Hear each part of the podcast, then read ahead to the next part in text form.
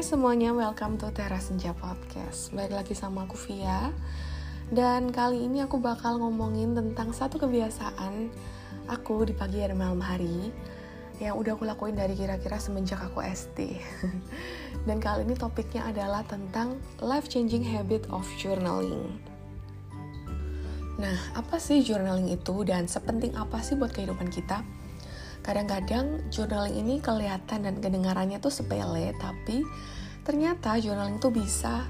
Yang pertama relief stress atau semacam terapi. Yang kedua self reflection dan yang ketiga memaksimalkan produktivitas kita. Nah kalian pada inget gak sih kalau zaman dulu itu musimnya kita banget nulis diary? Nah ini tuh sebenarnya kayak 11-12 sama itu. Hampir sama gitu teman-teman kita tuh bisa nuangin apa pun di sana. Kadang perasaan yang mungkin kita tuh nggak bisa ceritain ke orang lain. Dan setelah kita baca-baca lagi, kita tuh bisa observe kayak, oh ternyata aku tuh orangnya gini ya. Kalau aku marah tuh ternyata gini. Dan lain sebagainya. Jadi kita tuh bisa lebih kenal sama emosi dan diri kita sendiri lebih dalam lagi. Dan somehow aku juga ngerasa journaling ini lebih bikin aku tenang dan lega.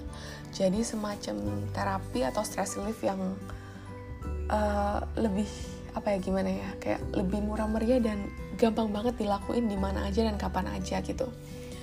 Selain itu journaling ini juga bisa bikin aku lebih fokus belajar ngeset tujuan dan breakdown langkah-langkah apa sih yang mau aku lakuin untuk mencapai tujuan tersebut gitu. Karena aku percaya banget sukses dan sebuah pencapaian itu nggak mungkin instan ya kan? Dan aku percaya itu semua adalah tumpukan dari langkah-langkah kecil atau baby steps yang kita ulang terus menerus nah journaling ini selain ngebantu kita ngeset tujuan juga ngelatih kita untuk lebih fokus dan hidup lebih teratur. Aku tuh punya diary yang dari dulu aku continue tulis dan aku simpan selama 3 tahun dari semasa aku SMP dan kalau sekarang sih mungkin istilah kerennya jurnal ya. Kalau zaman dulu kan ngomongnya diary tuh.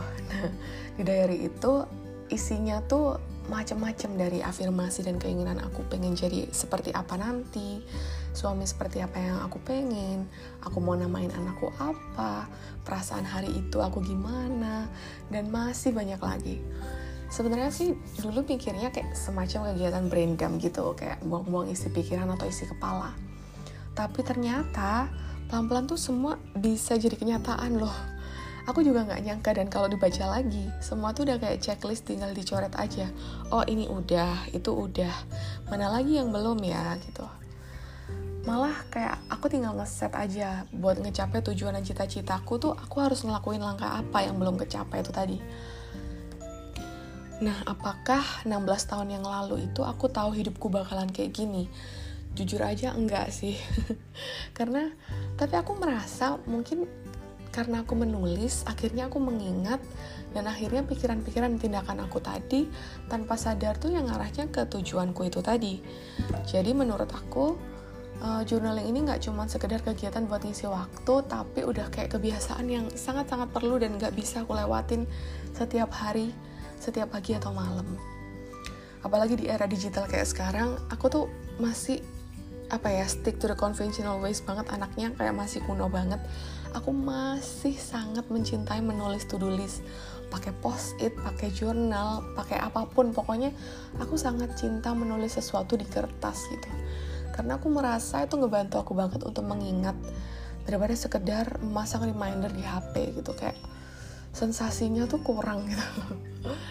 Dan sekalian aja supaya aku nggak ngerasa hidupku dikontrol sama gadget gitu. Karena aku merasa handphone ya buat aku kerja tapi untuk manage kehidupan aku personal life aku aku harus tetap punya satu apa ya satu tools dan dan itu adalah jurnalku itu tadi. Nah uh, menurut aku tuh ini cara yang tepat buat aku sih. Tapi balik lagi kalau kalian mungkin merasa lebih enjoy untuk nulis di notes atau di handphone itu nggak masalah terserah kalian aja gitu. Just do whatever works for you oke? Okay? jadi uh, journaling ini apakah hanya sekedar berkaitan dengan berkaitan dengan curhat ke buku? Sebenarnya sih enggak. Kamu tuh bisa nulis brainstorming ide bisnis baru misalnya langkah-langkah marketing, to-do list atau weekly or monthly goals, catatan khotbah, lirik lagu favorit, quotes yang kamu temuin hari itu dan membuat kamu apa ya menyadarkan kamu tentang apa gitu. Atau hal-hal yang kamu syukuri hari itu dan masih banyak lagi.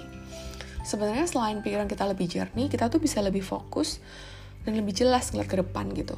Karena semakin kita mampu memahami diri kita sendiri, kita baru bisa akan memaksimalkan potensi diri kita yang sesungguhnya, teman-teman. Karena yang paling berani adalah menyelami isi pikiran manusia, khususnya diri kita sendiri. Karena somehow kita tuh ngerasa, kita tuh kenal banget ya sama diri kita sendiri, tapi kita itu kurang mengulik lebih dalam siapa sih kita itu gitu. Dan menurut aku, semua masalah itu sebenarnya kita udah punya jawabannya dan solusinya di kepala kita. Kita tinggal nyari aja kira-kira kalau misalnya aku di posisi ini aku bakal apa gitu. Atau aku di masa depan aku bakal ngapain gitu. Dan mungkin kalian setelah dengerin podcast ini jadi pengen coba ikutan journaling, tapi bingung gimana caranya. Nah, langkah yang pertama, gampang banget kalian tinggal siapin bolpen, notes, buku, atau notebook, atau handphone kalian. Apa aja bebas. Dan langkah yang kedua, ya mulai menulis.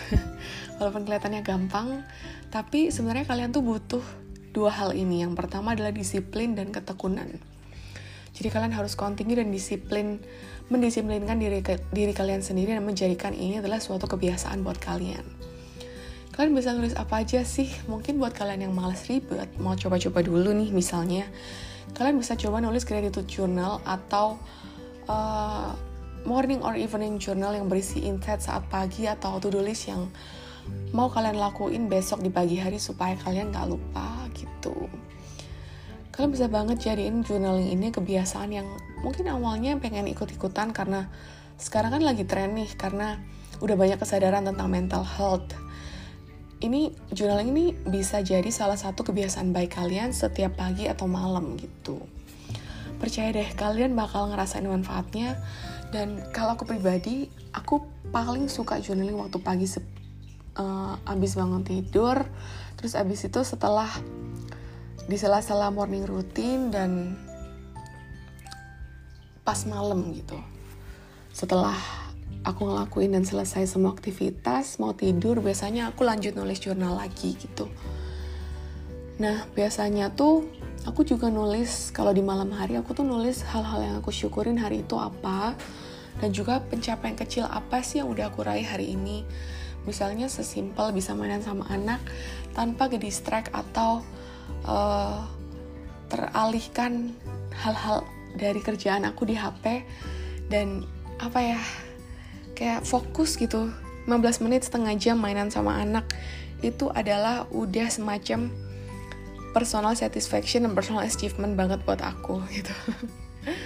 Don't forget to celebrate small wins dan jangan lupa untuk mencintai diri kalian sendiri atau istilah kerennya sekarang love yourself karena ini tuh hal-hal yang kelihatannya tuh nggak besar tapi aku percaya bisa banget membawa perubahan yang besar kalau kita lakuin terus menerus.